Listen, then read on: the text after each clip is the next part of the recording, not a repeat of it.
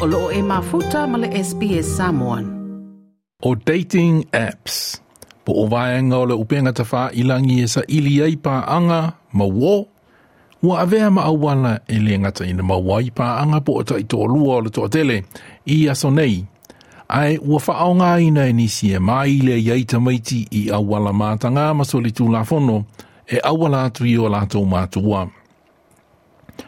Na whaalia Rick Brown le sui whaatonu o le Australian Institute of Criminology e tele ina amata o fia i loa e se tangata whaamatalanga i se tangata matua o lo o fia whaipaanga i ai. Ai whaasolo atu ai, ma fesili pe iai sana whanau. There will be that degree of, you know, wanting to get to know uh, an individual and no doubt um, whether someone has children will be, you know, maybe early in that in that discussion as uh, as, as well. So that's um, so that's problematic in the sense that you know that's the very thing that you know the, the perpetrators that we're talking about here uh, are probably looking for as well. So and that's probably why uh, you know dating apps are particularly uh, you know, could be particularly prone for this kind of um, uh, facilitation, just because um, you know you're you're bringing together individuals who who in a in a sense are vulnerable with uh, with perpetrators looking to extract something from them.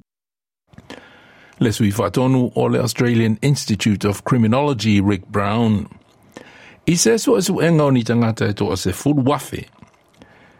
E lata i le afe lua se lau lima se fulu o i. Na fesilingia e se isi o lo ofi whaipa anga i le upenga ta ilangi.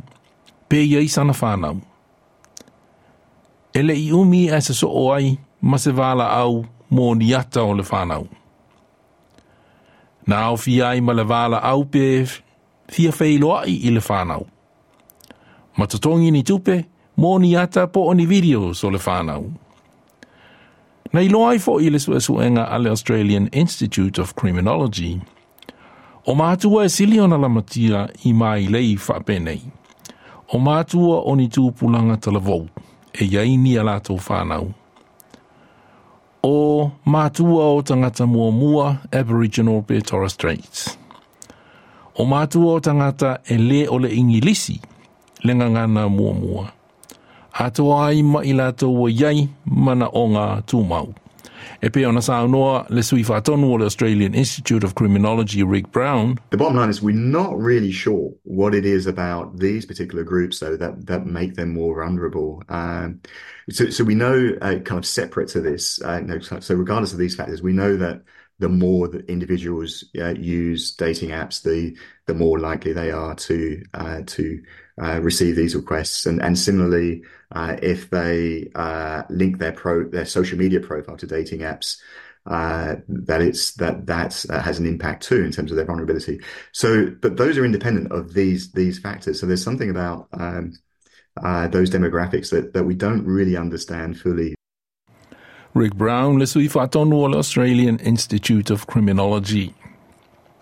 Wa yaini a yainga ina le company e whaatawina dating apps.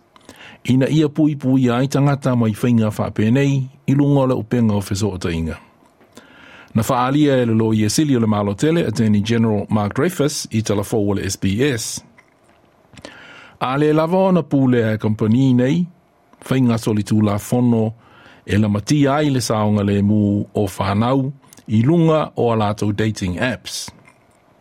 O le asila sila le malo tele, ini tū la fono mani whaasalanga.